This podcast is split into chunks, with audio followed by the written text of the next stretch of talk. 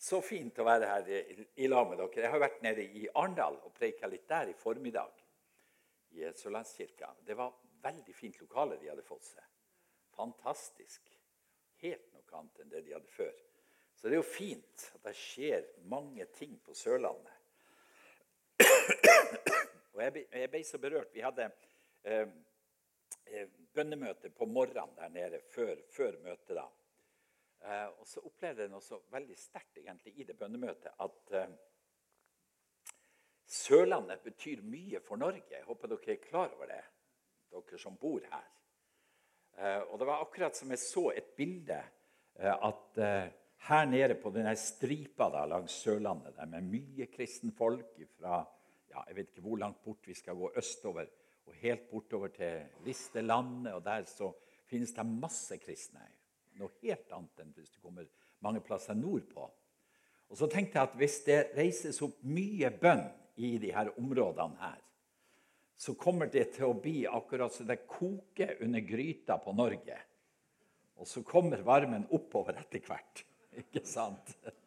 Så jeg så liksom det kokte under den norgesgryta helt her sjøl av dere som ber mye til Gud her. Og skal vi høre noe interessant som skjedde da.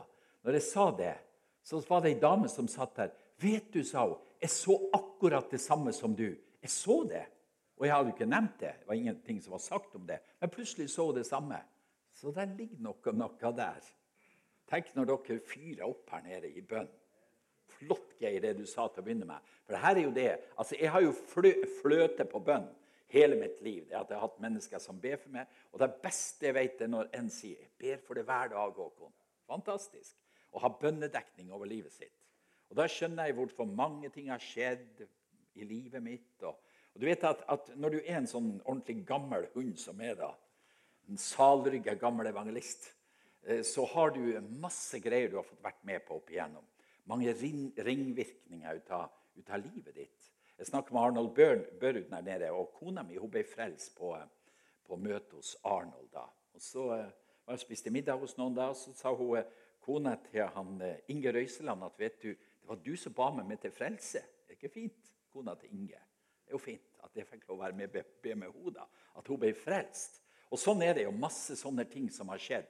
Og Så kobles det på mennesker inn i livet vårt, og så forsterkes de ringvirkningene i vannet, og så får du være med på utrolig mye interessant sammen med Gud. Så eh, Jeg sa det i går at, at hvis det er noe jeg kan vitne enda sterkere om enn ungdommen, det at Gud er trofast. Han har vært trofast imot meg opp igjennom livet og fått vært med på så utrolig mye spennende. Halleluja. Så eh, det er godt. Og så, altså, Jeg sa det på bønnemøtet på bønnesenteret i Levanger. Så har vi to sånne hovedsøyler, bærebjelker, som vi kaller det. Og det er at vi skal være et sted for forbønn og lovprisning. Det er veldig viktig for oss at den visjonen holdes varm vi er, vi er, ikke først og fremst et retreatsenter eller et kontemplativt sted, men vi er et forbønnens og lovprisningens sted. Et aktivt bønnesenter ønsker vi å være. Og så har vi en tredje verdi som er veldig viktig for oss. og Det heter sjenerøsitet. Vi ønsker å ligne på pappa sitt hjerte oppe i himmelen. Vet du hva det står om han? Han sparte ikke, står det i romerbrevet. Han sparte ikke. Han var dårlig på sparing. Så hvis du skal kjøpe en, en kampanje for sparing her i Sparebanken i Froland. Den dårligste du kan bruke til Gud. Han sparte ikke, men han ga, står det. Han ga sin sønn for oss til soning for våre synder. Og det, det opplever vi så velsigna å få lov å være sjenerøs og raus. Kjell han var hos oss nå hadde vi møte for, for de her pastorene nede i Midtøsten. Og så eh, tar vi jo alltid opp kollekter de der til de ministriene de har de her. her. Og så sa til Kjell at nå må vi ta opp en skikkelig kollekt til det. Ja, Hvor mye tror du det kan komme inn, sier Kjell. Ja, jeg tror det kommer mye inn, sa jeg. Kan det komme 10 000, sa han. Jeg tror det kommer over 100 000, sa jeg. Det må jo komme minst 100 000. Vi er jo noen folk her, så det skulle bare mangle. Ja, Han var skeptisk til det, og så kom det inn 108 000 da. Så det er jo fint å få være med på det. Og, og det her med sjenerøsitet og å ha et folk som er sjenerøse, og som har lyst til å gi og øse ut og velsigne det er utrolig bra. Det, det, det, er, det, er, så mye velsignelse som ligger skjult der. Og i Norge så er vi jo egentlig et sånt land. Vi er kjent som det største giverlandet i verden. vet du det? Det er ingen som har gitt per person så mye ut fra det landet her. Og jeg tror at der har du en av grunnene til at Norge har vært så velsigna. Når jeg er i Ukraina, jeg har vært masse i Ukraina, mye der nede, så, så er det jo et utrolig rikt land, men helt utarmet av fattigdom på mange vis. Og er nå på øverst på lista som Europas fattigste land. Det var det også før krigen. Og så er det så enormt med ressurser. Det er det kanskje rikeste landet i Europa på ressurser. Og så har korrupsjon og politisk vanstyre og masse ting ødelagt det landet der. Og så er vi her der vi har mest fjell og stein og, og ja, sånn. Og så er vi utrolig rike. Og jeg tror at det er Guds velsignelse som har vært over det landet her. For det er en lov i Guds rike at den som gir, han får. Når du er med og sår ut, så er det en effekt som slår inn, og det er Guds velsignelse. Så takk og lov. Takk at dere vil ta opp et offer til Nordic Mission også. Geir, det det var fint. Det var stort. Så eh, kan jeg prøve å synge en sang mens dere gir litt her? Ja, så eh, går det bra. Da får dere sikkert opp et Vipps-nummer her, og så skal vi se. Jeg så en capo her. Fins det en capo noen sted her? Jeg må, jeg må låne den. Se der. Der henger han. Ja. Skal vi se. Ja.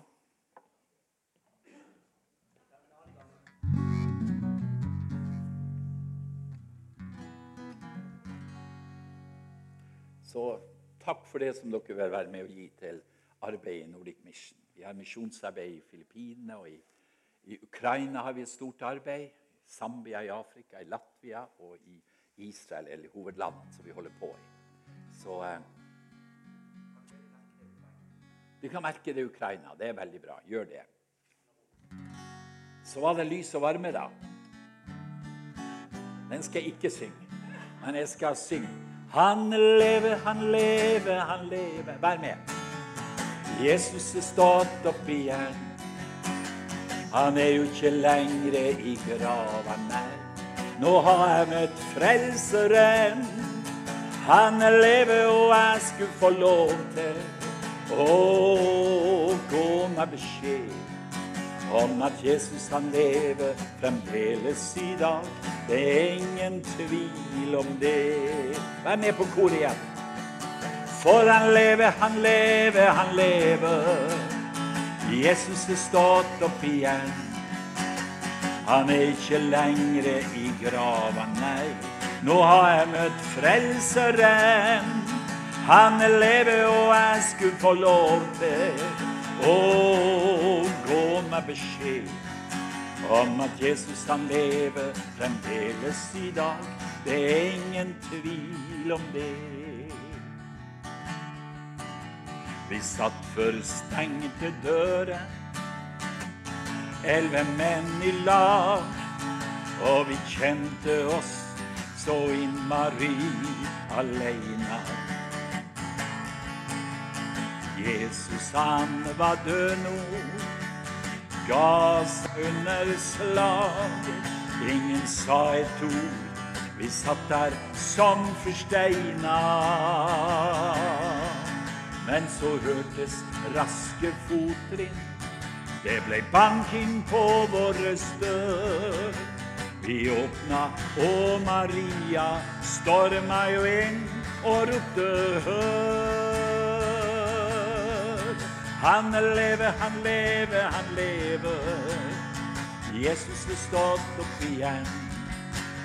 Han er ikke lengre i grava, nei. Nå har jeg møtt Frelseren. Han lever, og jeg skulle få lov til å gå med beskjed om at Jesus han lever fremdeles i dag. Det er ingen tvil om det. Så var den Thomas. At grava, den var tom. Det var greit nok, det, men oppstått Sånt er vel helt umulig. Jeg vil så gjerne tru det, men jeg syns jeg måtte se. For det hele verka for utrolig. Men plutselig så sto han der og sier Thomas, det er jo meg. Kom, kjenn på såra mine. hvis det kan hjelpe deg. Han lever, han lever, han lever. Jesus er stått opp igjen. Han er jo ikke lenger i grava, nei. Nå har jeg møtt Frelseren. Han lever, og jeg skulle få lov til å gå med beskjed om at Jesus han lever fremdeles i dag. Det er ingen tvil om det. Nei, det er ingen tvil om det. Et bønnekor for at det taler Guds ord her. Kom med ditt nærvær over Froland. Fyll du hele stedet med deg selv. Slik at alle må få kjenne kraften fra himmelen. Ja, vi ber deg, kom med ditt nærvær over Froland. Fyll du hele stedet med deg selv. Slik at alle må få kjenne kraften fra himmelen. Gud velsigne Froland. Gud velsigne Froland. Velsign du hele stedet. Far, velsign du alle menneskene her. Far, velsign du alle menneskene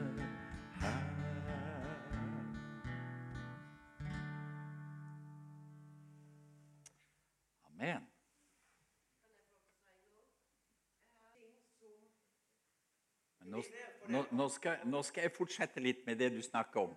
Hvor viktig det er å velsigne denne bygda og velsigne folket her. Jeg tenkte jeg skulle snakke litt i dag om velsignelsens kraft. For det fantastiske for oss som Guds folk, det at vi er kalt til velsignelse. Tenk for en nåde over vårt liv som gjør oss totalt annerledes enn verden, enn andre religioner. Vi er kalt til å velsigne.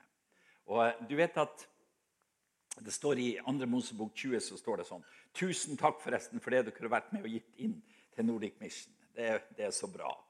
Da står det sånn, I 2. Mosebok 20 står det Du skal ikke tilbe gudebildene og dyrke dem, for jeg, Herren din Gud, er en nidkjær Gud.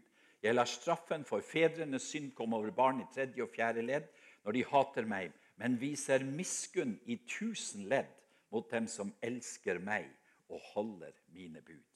Fantastisk vers. Eh, er jo ganske mye oppe i de samiske områdene, og i, spesielt i Kautokeino-området og det indre Finnmark så er det en veldig frykt for forbannelse. Og det er reelle, reelle ting. De har mange sjamaner som driver og forbanner og, og sprer forbannelse. Så det er ikke tull, noe av det her. Men jeg bruker når jeg er der, så preiker jeg mye om det her med å tro på kraften i velsignelse. For her ser du, her ser du for, altså styrkeforholdet i forhold til forbannelse og velsignelse. Forbannelse kan vare i tredje og fjerde ledd, men Guds velsignelse vil vare i tusen ledd. Ser du styrkeforskjellen på dette her? Så mye sterkere er Guds velsignelse. Og Jeg har vært på en del plasser nå der Hans Nilsen Hauge hadde et gjennombrudd. Vi hadde konferanse for tre-fire uker siden oppe på Rørvik, et sted der Hans Nilsen Hauge hadde et veldig gjennombrudd. Og Det er helt forunderlig å komme dit. Mye kristenfolk, en veldig kreativitet i business og stadig nye arbeidsplasser. De mangla arbeidskraft i, Rørvik. Og Det var et sted der Hauge hadde et spesielt gjennombrudd. Han kjøpte et helt fiskevær der og forandra hele bygda med at han kom med Guds velsignelse. Så i generasjoner etterpå så varer velsignelsen over den plassen der. Og Dette er det positive som vi er kalt til å bringe til folket rundt oss Guds velsignelse. Og jeg må, si Når jeg har vært her hos dere i helga, så er jeg så berørt av menigheten her. For her er, det er jo en spesiell menighet her på Froland som er velsignende. Jeg tenker på det at eh, Når jeg snakker med folk her, så velsigner de eh, Svein Egil sitt arbeid, der han står i sin tjeneste. De velsigner han Inge, der han står i sin tjeneste. Og så har det blitt sånne avleggere utenfor her som, som ikke er liksom kritisert og negativt omtalt, men som du er med å løfte og velsigner. Og vet du at det slår tilbake på den flokken som er igjen her. For er du med å velsigne, er du med å leske andre, så står det du skal sjøl leskes. Og Dette er en sånn viktig verdi å bære med seg oss som kristne. At vi skal få lov å spre Guds velsignelse. Jeg leste På formiddagen i går når jeg hadde bønneundervisning, så leste jeg først i Timoteus 2. Men, men, jeg leste også i dag. Hør, hør hvor positivt det her er. Jeg formaner dere fremfor alt. Hva skal vi gjøre fremfor alt? Ikke bakerst og sist, men fremfor alt. Til å bære fram bønn og påkallelse, forbønn og takk for alle mennesker. Det legges i fronten, det første og viktigste. Jeg sa det til en kar som ringte meg og spurte om ikke jeg kunne være med og be imot et sånt idrettsarrangement. for det var sånne okkulte røtter til det. Så sa jeg jeg har problemer med det, for jeg driver ikke med motbønn, men jeg driver med forbønn. Så jeg, jeg, vil gjerne være med og være for, og, være, og framsnakke og velsigne og, og være for det, det, som skjer. Og Det er det vi er kalt til. Vi er kalt til forbønn og takk for alle mennesker. Be for konger. Tenk hvor mange som ber for kong Harald. Vi velsigner kongehuset og slottet. Be for kongen, alle i ledende stillinger, så vi kan leve et stille og fredelig liv med Guds frykt og verdighet i alt. Det er godt og noe Gud, vår frelser, gleder seg over. Altså, Herren gleder seg over bønn. Så om du ikke skal be for noe annet, så skal du be for å glede Gud. Han blir glad når du ber. Ikke det fint? Han som vil at alle mennesker skal bli frelst og lære sannheten å kjenne. Dette er et utrolig avsnitt av positivitet. Hvordan du gjennom bønn og velsignelse kan være med og skape forandring i samfunnet. Vi har et, et sterkt arbeid på Filippinene. Altså Gud kalte meg til å gå inn i en folke, unådd folkegruppe som kalles for Warai Warai-folket. Og varai, varai, det betyr ingenting, ingenting. Altså Fire millioner mennesker som kaller seg for ingenting-folket. Og Det var det sist som preika til dem det er jo fantastisk. Det er jo få folkegrupper som har navnet sitt i Bibelen, men det har faktisk dere. For I første Korinterbrev så står det det som ingenting var det utvalgte Gud seg.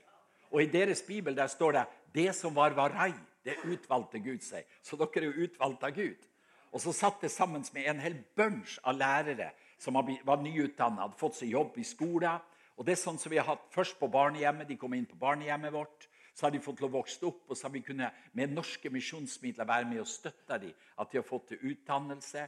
Den ene jenta var blitt kommunelege i byen. Og så kjenner du velsignelsen av å være med å forandre et helt folk gjennom at evangeliet kom inn. Og Så åpna vi barnehjemmet vårt for mange år siden der nede. og Så sto jeg på siden av ordføreren. Og Det var en, en, videregående skole i Hernani, der vi har hovedkontoret vårt. var de så veldig plaga med at unge mennesker ble besatt av onde ånder. og døde. Ca. fem stykker døde hvert år under besettelse, sa de. Og du vet, når Jesus sendte ut disiplene sine, så var det første han sa når dere går ut og forkynner Guds ord, skal dere ikke kaste ut onde ånder. Det var ofte på førsteplass. Jesus visste om at dette var et problem. Og Der møter du det veldig konkret i en sånn kultur som det der. Og så kom de, En av de første gangene vi var der, så kom de springende til oss med ei jente på 13 år fra skolen som fråda, hadde veldige spasmer og sånt. At vi måtte sette henne fri for noe av angrepene av onde ånder. Og, og, vi gjorde det. Vi ba for henne, og hun ble fri. Hun ble døpt ble med i arbeidet vårt der nede. Og så begynte vi å marsjere rundt den videregående skolen. At det her skal stoppe de greiene. At hver, hvert år så skal ikke fem ungdommer dø under besettelse og, og, det skal ikke skje i skolen. Og så når vi har bedt en stund der, så var det helt stille på skolen. Ingen mer aktivitet av de onde ånder. Og så sto jeg sammen med ordføreren i byen, en, en svær kar, en businessmann. Og så var han med å åpne, åpna barnehjemmet vårt der. Og så sto han og så sier han, 'Takk at du kom til oss og forkynte Jesus til oss', sier han. Det er jo fint. Det er jo det som var kallet mitt da. Og så sa han noe interessant. Og takk mest av alt for dere satte den videregående skolen fri for demoner, sa han. ikke det er fint? Der har du evangeliet. Og det er det vi er kalt til. å velsigne og forandre ånds- åndsatmosfæren og være en velsignende kraft inn på det stedet der vi bor. I ordspråkene 11.11 så står det når de rettskaftne velsigner, blir byen bygget opp. Urettferdiges tunge legger den i grus. Er ikke det et fint vers? Når den rettskaftne velsigner, blir byen bygget opp. Og du vet, Jesus han går utrolig langt når det gjelder å velsigne. Ja, men Du kan jo ikke velsigne det, og du kan ikke velsigne det. Skal høre hva Jesus sier. Jeg sier dere, elsk deres fiender. Velsign de som forbanner dere.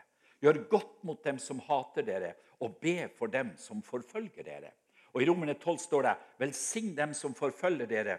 Velsign og forbann ikke, står det. Gled dere med glade, og gråt med dem som gråter. Så når du spør ja, men kan vi velsigne det, og kan vi velsigne det, så strekker Jesus seg veldig langt. Velsign de som forbanner dere. Der har du limiten på, på din velsignelse. Og Det betyr at velsignelse kan slå inn i de verste miljøene og forandre menneskeliv og sette mennesker i frihet, nettopp ved at vi kommer med Guds velsignelse. Du vet at, at Gud han hadde voldsomme problemer med israelsfolket i ørkenen. Og sleit med dem med det ene og det andre. De ville ikke følge ham. De var ikke gira på visjonen som Moses hadde. Og, Moses sleit med det, og Gud sleit med dem. Og vi, vi møter jo det mange ganger. Og så plutselig en dag så kommer han til bønnefolket, Aron og sønnene hans. Og så sier Moses at Herren har talt til meg, og så har han sagt til dere, Aron og sønnene deres, dere skal velsigne israelittene. Og da skal dere si til dem, Herren velsigne deg og bevare deg. Herren la sitt ansikt lyse over deg og være deg nådig. Herren løfte sitt ansikt mot deg og gi deg fred. Du skal sette mitt navn på israelittene, for jeg vil velsigne dem. Er det ikke fint? Hva er, hva er det her? Jo, det er det som ligger i Guds hjerte. For ethvert folk, for enhver nasjon, så ligger det her i Guds hjerte. Herren vil velsigne deg. Herren vil bevare deg. Herren vil la sitt ansikt lyse over deg. Det er det som ligger i Guds hjerte. Og djevelen vil alltid alt det motsatte. Tyven kommer bare for å stjele, myrde og ødelegge. Men Jesus er kommet for å gi liv og overflod. Og Den velsignelsen skal vi få lov å spre til mennesker rundt omkring oss. Jeg har sikkert visst det før, men jeg har et par bilder. Klarer du å få fram de to første bildene der? Dette er, fra, er sikkert noe som jeg har visst før her. Men dette er jo den største avisa som eh, Arbeiderpartiet har i Norge. Det er Nordlys i Tromsø. Det er det mest abonnenter av alle avisene de har nå. Og Her har du jo Nordlys. og her har de skrevet, altså Nordlys skriver ikke mye kristelig stoff. det kan jeg si det. Men her har de skrevet på forsida 'Predikant ba for halve sommerøya'. Fiskerne fyller båtene til ripa, hotellet går så det griner, og turismen blomstrer. Milde Moses for en fangst. Det er jo flott at de iallfall tar Moses i sin munn, Nordlys, og, og har det på forsida. Det var en politi som ringte utover når det her stått i avisa. Endelig står det noe positivt i Nordlysa. Det er jo flott. da. Vi tar neste side. skal vi se. Og Der har de gått enda lenger. Der har de skrevet 'Halleluja for en fangst'. Og så står det oppe der 'Sommeren går så det griner'. Og mange tror at det skyldes predikant Håkon Fagerviks velsignelse av bygda. Halleluja for en fangst. Nå er det feil, da, for Håkon Fagervik har ikke mye velsignelse. Men Gud har mye velsignelse, som jeg kan få lov å bringe ved at jeg ber for mennesker. Og det her historien, Jeg har sikkert fortalt den før her, men det handler om, om Johnny, han fiskeren der. En, en, veldig dyktig fisker. Hatt mange fiskebåter, gjort det bra på, på, i mange år. Og Så får han seg ny båt, og så får han ikke fisk på nybåten. Og Så ringer han til meg og sier han, Håkon, det er noe spennende gærent med båten min. Jeg får ikke fisk på båten. Du må komme og be for båten min at jeg får fisk. Og vi er noen enkle sjeler oppe i nord som tror veldig på det her med bønner. Så jeg for oppover til han, og jeg tok fram den der salveoljeflaska som jeg alltid går med i lommen. Og så gikk vi rundt, og så salva vi båten. Innvendig og utvendig. Lugaren og nedi motoren og fiskeredskapene ute på dekket. Vi for rundt og salva. Og så leste vi Matteus 18, 18, at det du løser på jorden, skal være løst i det himmelske. Så vi snakka litt til båten og sa båt, du, nå er du løst for fisken. Nå må du begynne å fiske. Det er det du er skapt for. ikke sant? Så vi, vi snakker både med Gud og ga båten litt beskjed. da. Og så skjer det her neste dag. Så drar han ut og så fyller han båten sin med fisk. Og så begynner han å fiske. Ikke sånn som de andre. Han ringer meg en uke senere og sier Håkon, det her er helt utrolig. For i dag kom de andre opp med 400 og 500 kilo, og jeg kom opp med 5000 kilo. sa han. Så fiskekjøperen hadde stått på kaikanten og, og rista på hodet og sagt at når, når, jeg ser hvordan du fisker, så må jeg også begynne å tro på bønn. hadde fiskekjøperen sagt da. Og så drev han og fiska så bra det året der. Så dette er en historie som skjedde året etterpå. Det kommer på nytt opp igjen. Og da hadde han fiska så mye, han Johnny, at de hadde begynt, bare begynt å kalle ham for Johnny Cash. Fordi han, han, hadde jo gjort det så bra. da. Så, så da kom de fra andre plasser på, på, på Sommerøya og spurte går det an å velsigne et hotell. Selvfølgelig. Går det an å velsigne en filetfabrikk? Selvfølgelig. Går det an å velsigne et turistanlegg? Vel, selvfølgelig. Går det an å velsigne fiskebåter? Selvfølgelig. Se for rundt med salveoljeflasker der ute. Og så erfarte de Guds velsignelse. Fordi at vi enkelt tror på Gud og hans velsignelse. Og Dette her er interessant å holde på med. Jeg har en ikke-kristen som jeg skal til i morgen, en, som har en svær bedrift som jeg skal og salve og be. Og Jeg har fått vært med å velsigne han. Han har sett veldig økning i omsetning. Jeg har veldig tro på det her. Og så får jeg lov å være med og velsigne. Han ringte meg en dag og sa at, at, det er så utrolig det som skjer etter at du har vært der. Så, så sa han at jeg er jo ikke noen kristen, sa han, men nå har jeg faktisk begynt å takke høyere makter for det som skjer. Så det er, jo, det er jo et steg på veien, da. Så, så vi får lov å spre Guds velsignelse. Og gjennom det så åpnes hjertedører, så mennesker vil møte Jesus og ta imot ham. Og du vet Det sterke med velsignelsen i den nye pakt det er at den er enda sterkere enn i den gamle pakt. Nå skal du høre fint vers her. I Galaterne 3,13 så står det Men Kristus kjøpte oss fri fra lovens forbannelse da han kom under forbannelse for vår skyld. For det står skrevet 'Forbannet er hver den som henger på et tre'. Og så sier han slik skulle Abrahams velsignelse komme til folkeslagene i Kristus Jesus, så vi ved troen skulle få ånden som det var gitt løfte om. Her har du Abrahams velsignelse. Hvordan slår den ut? Jo, den slår fullt ut når Kristus dør på Golgata kors. Og der er det. Vi skal få lov å bringe den videre til folkeslagene, sto det her. Tenk å få være med å berøre folkeslag med kraften i evangeliet. Det er så interessant.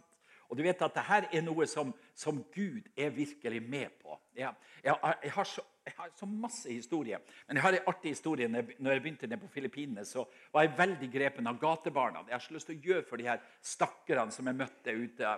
Og jeg tenkte Gud, jeg må få starte et barnehjem. Jeg må få gjort noe for de her elendige ungene som, som er ute på gata og tigger. Og så kunne jeg få kjøpe et veldig bra område. Det var tolv mål som var, hadde liksom en sånn skjerming ut mot havet. Det var en svær, en svær sånn eh, fjellknaus på, mot havet. Og det, det, er veldig viktig der nede. Det, under Julanda, den svære syklonen som var der, så storma byen til barnehjemmet vårt for å få beskyttelse. og der, der vi ikke, Barnehjemmet vårt, vårt ble ikke skada. Men så når jeg, jeg, kom hjem og bar det her med meg i hjertet, så tenkte jeg hvor skal jeg få penger i? Jeg måtte få tak i 200 000 til at vi kunne kjøpe den tomta der. Og vi hadde ikke penger. Som vi sa oppe i nord, vi er sleike for penger. Og, og, det var ikke noe penger. Og jeg tenkte, hvor, hvor i verden skal jeg klare å finansiere det her? Og Så kommer jeg hjem og så åpner jeg Vårt Land hjemme. Og der står det, vi, I den tida, når jeg hadde møter i gamlekirka deres, så reiste jeg for Nordmisjon. Det heter organisasjonen vår. Den heter Nordmisjon før da. Og så står det i Vårt Land at eh, Indremisjon og Santalmisjon skal gå sammen. og, og Eh, det var en, en, en liten forening til som skulle sluttes til, og de skal kalle seg for Nordmisjonen. Ja, Det var jo det vi heter, da. Og Så ringte jeg til eh, generalsekretæren jeg fikk tak i kontoret der, og så sa jeg vi heter faktisk Nordmisjonen, og det navnet har vi registrert i Brønnøysundregisteret, så jeg tror ikke det er mulig for dere å, å, bruke det. Ja, men dere er en liten organisasjon, sa de, og vi er svært eh, greie. Både Sentralmisjon og Indremisjon skal gå sammen, så det skal nok gå bra, sa de. Ja, ja, vi får se, tenkte jeg. Og så Ikke lenge etterpå så kom det telefon på nytt. Vi får ikke registrert navnet. Kan du tenke deg å selge Nord Nordmisjon til oss? Ja, det kan jeg jo. Og Så begynte jeg å fundere, og jeg ringte rundt. Hva får man for et navn? Jeg hadde ingen anelse. Og ingen jeg snakket med, hadde anelse. Men så tenkte jeg på den tomta nede på Filippinene. Tenk om jeg kunne få 200 000. At jeg kunne kjøpe den tomta til barnehjemmet. Og så jeg sendte brev til dem, og så foreslo 200 000. Og jeg fikk brev med en gang tilbake. Ingen problem, vi overfører pengene med en gang. hvis vi kan få kjøre. Så da satt jeg bare og tenkte at de ikke spurte om 500 000. Det er det jeg skulle ha gjort. Vet du. Men iallfall så, så, så fikk vi det finansiert, og så så vi hvordan Gud var der. Der hadde han en plan, og så det. Og så fikk vi jo et mye bedre navn. da. Nordic Harvest Mission. Et internasjonalt navn. Vi som har så mye arbeid i andre land. Så fantastisk. Og så ser vi på mange sånne ting så ser vi, der var Gud, og der var Gud igjen. og der var Gud. Og når du samarbeider med Han og Den hellige ånd, så er det så mye som kommer på plass nettopp ved at Gud kommer med sin velsignelse over vårt liv. Og Hvis du vil være en velsignende person, så vil du oppleve at det er så velsigna å velsigne. Det er så godt å velsigne. Og du vet at Det som ligger i Guds hjerte, som vi får lov å være med og, og dele med andre mennesker, det er en sånn rikdom som Gud først har lagt inn i vårt liv. Tenk at vi er velsigna. Når du ba her, så takker du Gud for at du har kommet inn i dette riket. Det står i Kolossebrevet. Han har fridd oss ut av mørkets makt og satt oss over i sin elskede sønns rike. Tenk å få være med i den elskede sønns rike. Det er utrolig. Og der vi får lov å elske, og Elisabeth sa det i går vi satt og pratet, at jeg elsker fordi han elsker meg først. Det er jo det som er grunnen til vår kjærlighet til Jesus. Det er jo at han elsker oss. Og jo mer vi mottar av hans kjærlighet, jo mer kan vi elske tilbake med den kjærlighet som han allerede har gitt oss. Og Der er det vi skal få lov å, å leve og få lov å være til velsignelse eh, for byen. Hør hva det står i Jesaja 62. Som en brudgom gleder seg over sin brud skal din Gud ha sin glede i deg. Jeg har satt vaktmenn ut på murene dine i Jerusalem. De skal aldri tie, verken dag eller natt, dere som lovpriser Herren. Under er ingen ro. La ikke Han få ro, for han bygger Jerusalem opp igjen og gjør byen til en lovsang på jorden. Her snakkes det om bønnevaktmennene som står der. Som er med og ber for byen, som er med og velsigner byen, som er med og lar det stige lovsang opp av byen. Og så kommer Guds velsignelse gjennom et folk som ber til Gud.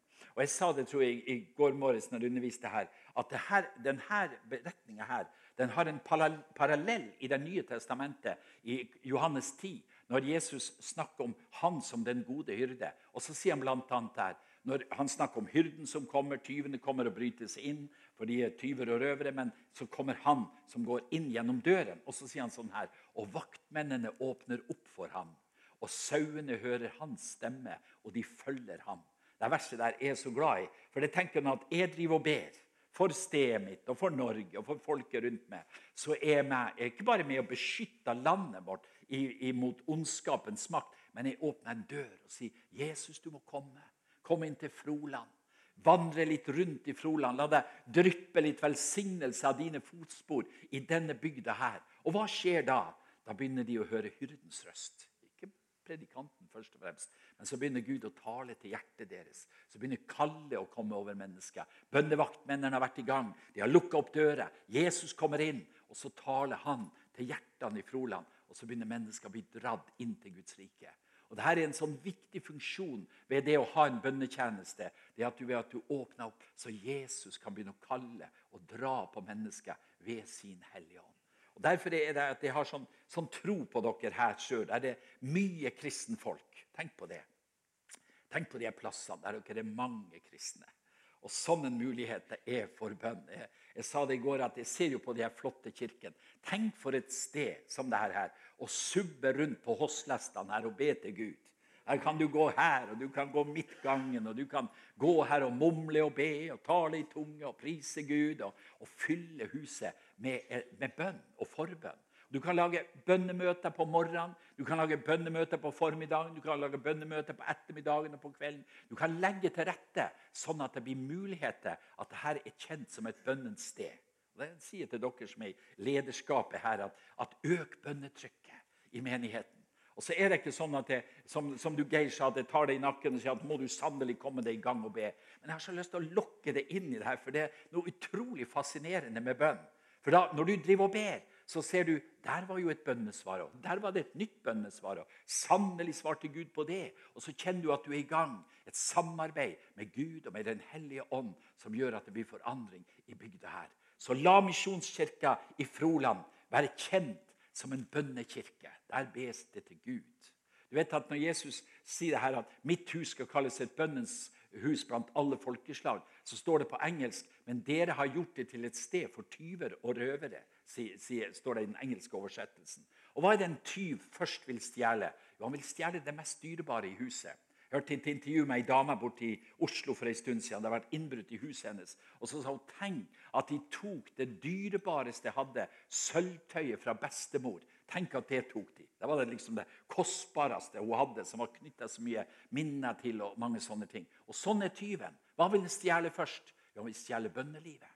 Derfor er den vestlige menigheten ofte fattig på bønn. For de har latt seg lure til at det har blitt stjålet ut av det livet som skal være i menigheten. Og Derfor er det så fint når eh, Hallesby Jeg siterte i går også det som Hallesby sier. At bønn er et arbeid som ikke kan erstattes av noe annet arbeid i Guds menighet. Hør på det en gang til. Bønn er et arbeid som ikke kan erstattes av noe annet arbeid i Guds rike. Tenk på det.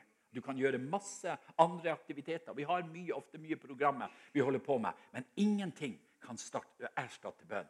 Derfor er det så viktig å be til Gud og søke Ham. Og så sier det alltid når jeg driver og underviser om bønn, at, at la bønna di være frisk. La den være mye full av takk og lovprisning og begeistring for Jesus. Du vet at Jeg har holdt på i over 60 år og beundra Jesus. Og jeg, jeg, jeg, blir ikke ferdig å beundre ham. Mange ganger når jeg, jeg gråter jeg, jeg, bor ofte rundt hos folk, og så har jeg ei seng der. Og, og, så ligger jeg ofte på kne. Jeg er jo sånn gammel kar, så jeg liker å ligge på kne når jeg ber. Og Mange ligger der bare og beundrer Jesus, og renner tårene på meg. For det er så fantastisk. Tenk at jeg får lov å betrakte han og får lov å leve sammen. Ha et samfunn med han, kjenne hvordan han er nær i mitt liv. Det, det er så dyrebart. Og det her er rikdommen, skatten som ligger i bønnen. Takk og lov for at vi har fått bønneveien. Og Kirsten sa det når jeg talte litt om det her med Guds farshjerte i går, at jeg gleder meg som at jeg skal komme hjem og snakke med han far. Er ikke det fint? Det er jo det vi holder på med. Og Der har vi kilden som vi kan få lov å leve i. Og Da vil vi bli til velsignelse for mennesker rundt oss. Jeg hadde en sånn flott opplevelse for noen uker siden. Jeg var ute på den øya som jeg kommer fra. Seløya heter det på Helgelandskysten. Der må du ta deg en tur en gang og se hvor vakkert det er der ute. Og Sønnen min han Remi fra, flytta fra Oslo. Han solgte huset sitt i Oslo og så kjøpte han den gamle skolen der jeg gikk på skolen når jeg var guttunge. Hele min, min barndom gikk på den skolen der. Og Der var det en, en gymsal som er blitt til restaurant på skolen nå. Og du vet, når jeg var unge, så husker jeg den gymsalen var jo så svær. For vi vokste opp på kjøkkenet hjemme. Vi hadde ikke fyr i stua. Det var bare sånn høytider vi hadde fyr her. Også når det var predikanter på besøk. Da, da fyrte vi opp i stua. Men ellers så, ellers så, levde vi på kjøkkenet, et lite rom da på, i huset. Og så når du kom til gymsalen, så var den jo så svær. Og vi hadde, sånn, vi hadde en sånn, original lærer. Han røkte pipe. Så han sto i den ene kroken på gymsalen, og så trampa han takten og puffa på pipa si. Og så ropte han ett, to, ett, to, ett, to. Sånn sto han. Og, og røykskyen sto jo rundt oss. Og vi sprang så gale i den, i den gymsalen der. Det var skoler på den tida der. Men, men, du vet at der ute på Selja så eh, var det at Gud han, eh, han kalte og dro på mitt hjerte. Og eh, Som så tenkte jeg hva skal det bli av Håkon Fagervik? Et svært fødselsmerke i ansiktet, og jeg kan ikke være mye med folk. Sånn tenkte jeg ofte da. Og så kalte Gud meg, og så har jeg fått vært med på denne fantastiske reisen sammen med han. Fordi at jeg svarte ja til Guds kall. Og Så var jeg der ute for noen, noen uker siden. Og så var det en som jeg gikk på skole på, i klasse i med, så sier broren hans at, at uh, han er så ensom, denne broren min. og han sitter alene i hybelleilighet. En dyktig fisker, hatt flere fiskebåter, men nå var han blitt syk og, og satt der i sin ensomhet da, i den hybelleiligheten. Ja, men så sier vi, vi må gå og besøke han. Det er mange år siden jeg snakker med han der. Så, så gikk vi dit, og så satt vi og prata en stund om fiske og alt det båtene han hatt. alt Det greiene. Det er jo mye fisk vi snakker om når vi er der ute. da. Og så, og så eh, sier han plutselig når vi skal dra derfra, at Håkon er så fri for fisk. Jeg eier ikke fisk i fryseren lenger. Ja, men så sier jeg jeg har masse fisk, så jeg kan fare og hente fisk til det. Så jeg for hjem og så henta jeg fisk, og så dro jeg tilbake til han. Og så når jeg kom inn i gangen til han, så sier han Håkon, det var så rart når du var her. For når du satt i stua mi, så ble det så lyst i hele rommet. Og jeg har slitt så med smerter i nakke og skuldre. Og det var akkurat som det ble løftet av når du var her. Det er vel mer mellom himmel og jord enn det vi forstår, sa han. Og det er det jo, ikke sant? Så jeg sa ja, selvfølgelig, det er jo mer mellom himmel og jord. Og du vet hva det er som gjør det lyst i stua? Det er at jeg bærer med meg Jesus når jeg kommer. Så sier han til meg at ja, men jeg er jo ikke noen religiøs mann. Men jeg må innrømme sa han, at når jeg ligger her i min ensomhet og kveldene og skal sove, sånn, så tenker jeg ofte på Gud. Og så ble jeg så berørt ut av ham. Og så sa jeg du, du behøver ikke bare tenke på Gud, du kan få møte Gud, du kan få erfare Gud. Og så leste jeg Johannes 1,12 til han, de fantastiske versene. At alle dem som tok imot ham, ga han retten til å bli Guds barn. Og så sier han karen der, du verden, så fint det der var. Jeg har jo ikke Bibel. Kan du ikke sende det til meg på mobilen? Så gjorde jeg jo det. Sendte det på mobilen hans, så han kunne ha det. Men så sier jeg til han at, at du behøver ikke bare synes det er fint og synes det er bra, men du kan få gjøre det som står her. Du kan få ta imot ham og få bli et Guds barn. Har du lyst til det? Ja, sa han. Det har jeg lyst til. Og Så fikk jeg legge hendene på ham og så gråt på det og han der vi satt. Og så fikk jeg lov å lede han inn i fellesskap med Jesus og be synderens bønn med ham. Og så tenker jeg for en velsignelse. Vi bærer med oss Guds rike uansett hvor vi går. Når du kommer inn på butikken, så blir det lys på butikken. Så blir det lyst hos naboen. Så er det bærer du med, med, med deg et gudsnærvær som skal bli til velsignelse med de som du kommer i kontakt med. Og Dette er hemmeligheten i vårt liv. Vi følger med Jesus. Vi bærer han med oss, og så får vi lov å være til velsignelse for mennesker omkring oss. Og Dette er noe som jeg har veldig tro på. At bønn det fører til velsignelse. Jeg fikk jo stå i den sterke vekkelsen i Karasjok i 88 og 89. Der det har gått ei selvmordsbølge over byen. Over, over stedet. Jeg bygget på 2800 mennesker som er der. Tolv unge mennesker hadde tatt sitt eget liv. i løpet bare kort tid. Og det var hovedoppslag i de største avisene i Norge. og og Sosialmyndighetene prøvde, og legene prøvde å gjøre alt mulig. at Psykologer jobba inne i skolen, og ingenting hjalp. Og så er det helse- og sosialsjefen som sier at nå må de kristne hjelpe oss. Vi vet ikke hvor vi hvordan vi skal berge ungdommen vår. Og så er det at eh, Jeg reiser opp med et team da, og har, har begynner å ha møter. Vi fikk masse skoletimer. Lett å få skoletimer i den tida. Vi var på diskoteket og pubene. og vi, vi, vi gjorde alt vi kunne, og ingenting skjedde. Det var totalt mørkt og totalt stengt. Bare en sånn dyp depresjon som lå over hele bygda.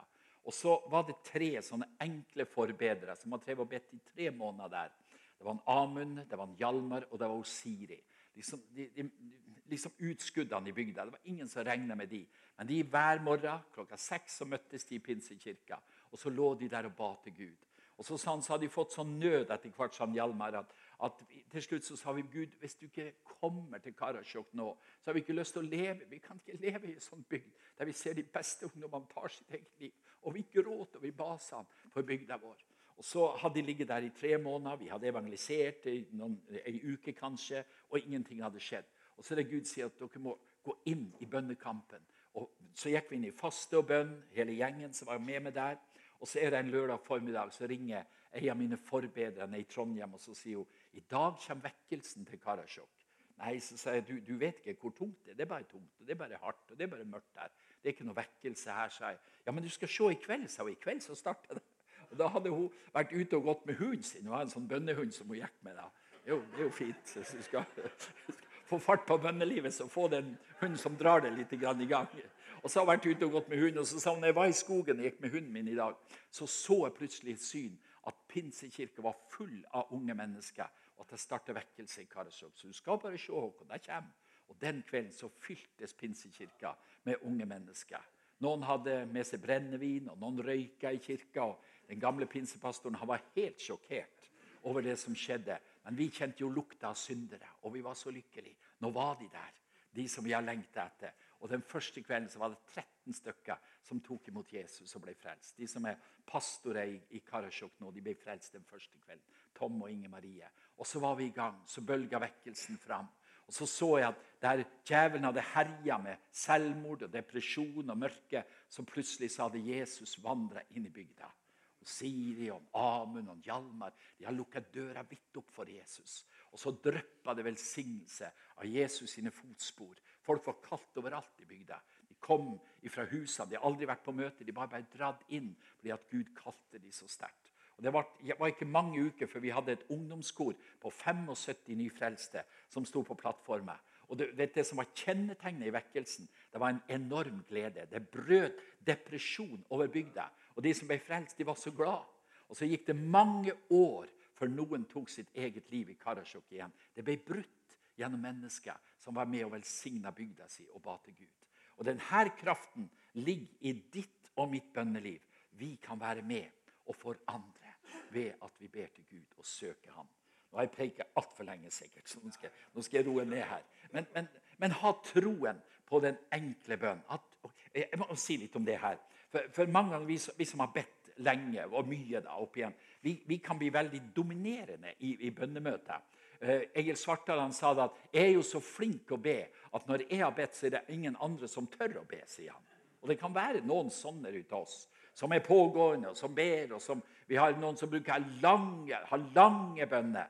Og det, det, er nesten som du sjøl kan miste motet når de har bedt de lange bønnene. De har vært rundt hele verden på et, på et øyeblikk. liksom, og sånt her. Og, og, tenk på det. Når du ikke samles til bønn, så gi rom for de som er mer beskjeden, som er litt annerledes. For vi er så mange forskjellige personligheter. I Kautokeino så sier de at ja, vi er nå kokt i så mange slags kraft. sier de. Og det er jo sånn med oss. Vi har forskjellige bakgrunner, forskjellig personlighet, forskjellige legninger. Men jeg har så lyst til å lokke fram de her, de her hviskende forbedrerne også, som driver og ber kanskje på en stille måte. Og så vet de at kraften ligger ikke i vårt stemmebruk. Kraften ligger ikke hvor flink vi er å formulere oss, men kraften ligger i andre enden av vår bønn. Der far er den som svarer på bønn. Og han kjenner hjertene, og han vil gripe inn skal jeg avslutte her med å lege, lese noen flotte vers til dere. Det står i 2. Korinterne 10. Jeg vet ikke om jeg leste det i, i går formiddag. når jeg holdt på her. Men, men, du vet at en gammel mann han husker ikke så godt, så dere må tilgi meg. Men hør nå, hør nå hva det står her. Det er så fint. For vel går vi fram på menneskelig vis. Altså, Vi er jo mennesker. Men vi kjemper ikke slik som mennesker gjør, sier han. For våre våpen Tenk på bønnevåpenet ditt. Våre våpen er ikke fra mennesker, men det har sin kraft fra Gud og kan legge festninger i grus. Vi river ned tankebygninger, alt stort og stolt som reiser seg mot kunnskapen om Gud, og vi tar hver tanke til fange under lydigheten imot Kristus. Fantastiske vers om bønn. Her sto det om våre våpen, og et av de viktige våpnene vi har, det er bønnevåpenet vårt. Jeg bruker ofte å si til Gud at du må kvesse sverdet mitt. Du må gjøre meg skarp når jeg driver og ber, sånn at jeg kan få lov å være med og se gjennombrudd gjennom min bønn. Men, men, men gjennombruddet kommer ikke ved at jeg er flink å be, egentlig. Men gjennombruddet kommer fordi at Guds kraft kommer inn. Og Guds kraft bryter gjennom. Og Guds kraft er hemmeligheten i min bønn når jeg driver og ber. Jeg tok et bilde. Får du det siste bildet? Jeg har lyst til å avslutte med det her. Ikke det der, men jeg hadde et bilde til. Se på det her. Dette er et spesielt bilde for meg.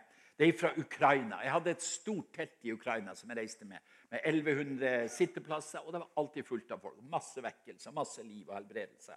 Og så I dette møtet her, så hadde, hadde, jeg stått og bedt for hundrevis av mennesker. De hadde trykt meg inn i teltduken, så jeg var, jeg var, helt utslitt. Og Jeg sa til tolken min du må få meg herifra. Jeg klarer ikke mer. For det blir liksom ingen, ingen ende på bønnekøen. Og Så kommer det to små jenter med, med bestemor da, som er totalt blind. Og har vært blind i mange år. Og Så tok jeg ansiktet hennes og vendte mot en sånn sterk lyskaster som vi hadde inni teltet. Og så sa jeg 'Ser du lys?' Så sa hun nei, jeg har ikke sett lys på mange år. Så jeg, jeg ser ikke, sa hun. Jeg er helt blind. Og så tok jeg og la uh, tommene mine sånn på øynene hennes. Og jeg var så sliten. Jeg klarte nesten ikke snakke og be. Så hvis det var den, den svakeste bønnen noen gang har bedt, så var det den bønna der. Og Kanskje i 30 sekunder drev og ba for henne. Og når jeg tok, tok tommene mine bort, så skrik dama 'Så fint et slips du har!' 'Og så flott ei skjorte du har!' Og så sto hun og klappa med sånn her på brystet og så rundt i teltet. Og plutselig var synet kommet tilbake. Og da vet jeg, Det var iallfall ikke min bønn eller min kraft i bønn som hadde gjort det. Men da kom Gud med sin kraft og grep inn med helbredelse. Og Neste kveld så kom den dama til meg med en, en svær rull med penger og skulle betale for helbredelsen. Og så sa jeg til, deg, til henne at når du går og kjøper brød på butikken en dag, og så betaler du brødet, går du neste dag og betaler det en gang til? Nei, det gjør ikke, sa hun. Ja, men det er det du prøver å gjøre nå. For den helbredelsen du fikk i går kveld, den ble betalt på Golgata kors av Jesus Kristus. Og da kan ikke jeg ta imot penger for noe som allerede er betalt. Å ja, det er sånn det fungerer, sa hun. Så da skjønte hun at, at det var Jesus som hadde vært der. Og du vet at kraften i vår bønn det er nettopp det her. Da kommer Guds kraft når vi driver og ber. Og så er det styrken og hemmeligheten i vår bønn. Så la bønn bli viktig i det du holder på med, i menighetslivet ditt, kanskje i bønnegruppa som du har. Bare forsterk det og kjenne gleden. Tenk å få være med Jesus. Invitert til kongenes konge og herrenes herre. og Skal få lov å ha fellesskap med han og ha audiens like innenfor tronsalen i himmelen. Tenk å få lov å ha den tjenesten der. Og Det er ikke de perfekte. Jeg skal si det at, at uh, Hjalmar og Amund og Siri det var de mest elendige som fantes egentlig. Skrøpelig, syk, svak. Men så brukte Gud dem til et gjennombrudd i Karasjok. Og dette er hemmeligheten i bønn. Herren vil bruke det.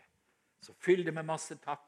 La lovsangen være en viktig del. Jeg møter jo folk som sier at jeg syns det er så tungt å be. Så bruker jeg å spørre hvor mye takker du da? Hvor mye, hvor mye av bønnetida di bruker du på takk?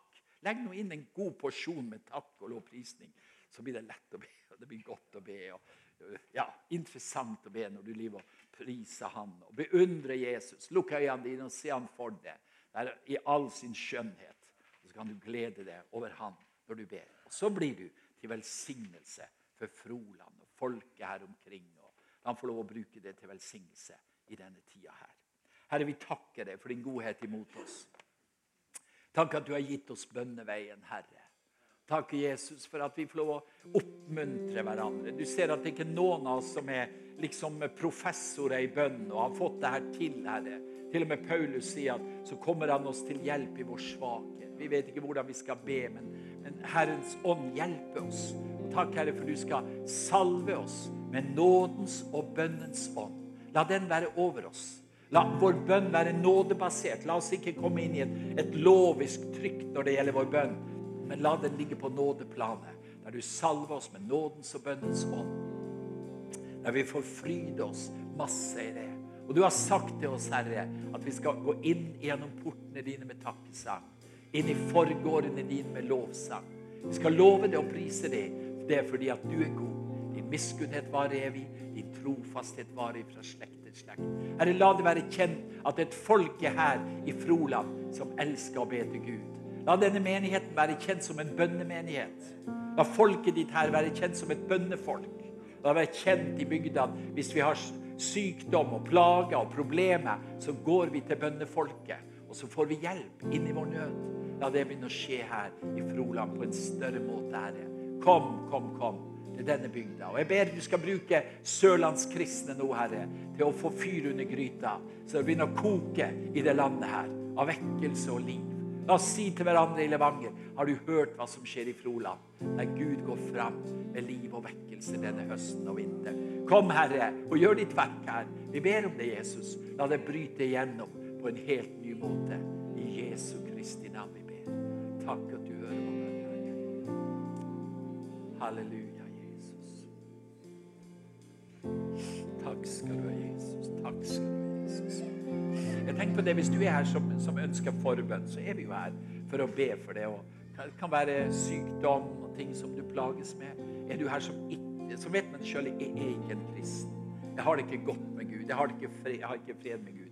Kanskje er du kommet på avstand, kommet bort fra Gud. Kom og forny ditt forhold til Jesus i kveld. Kanskje har du vært en, en som har hatt taket på deg med bønn. Du har kjent du har hatt en tjeneste i bønn, og så har liksom ilden slukna. La oss be litt for det i kveld. At det kan få en forfriskelse av Den hellige ånd. At bønnelivet kan vekkes, og du kan være en som er smittsom. Smitte andre med bønn. Gå foran i bønn. Velsigna bygda som du bor i. Så kom i Jesu navn, så skal vi be og eh, være med og løfte det opp innenfor Gud. Takk, Jesus.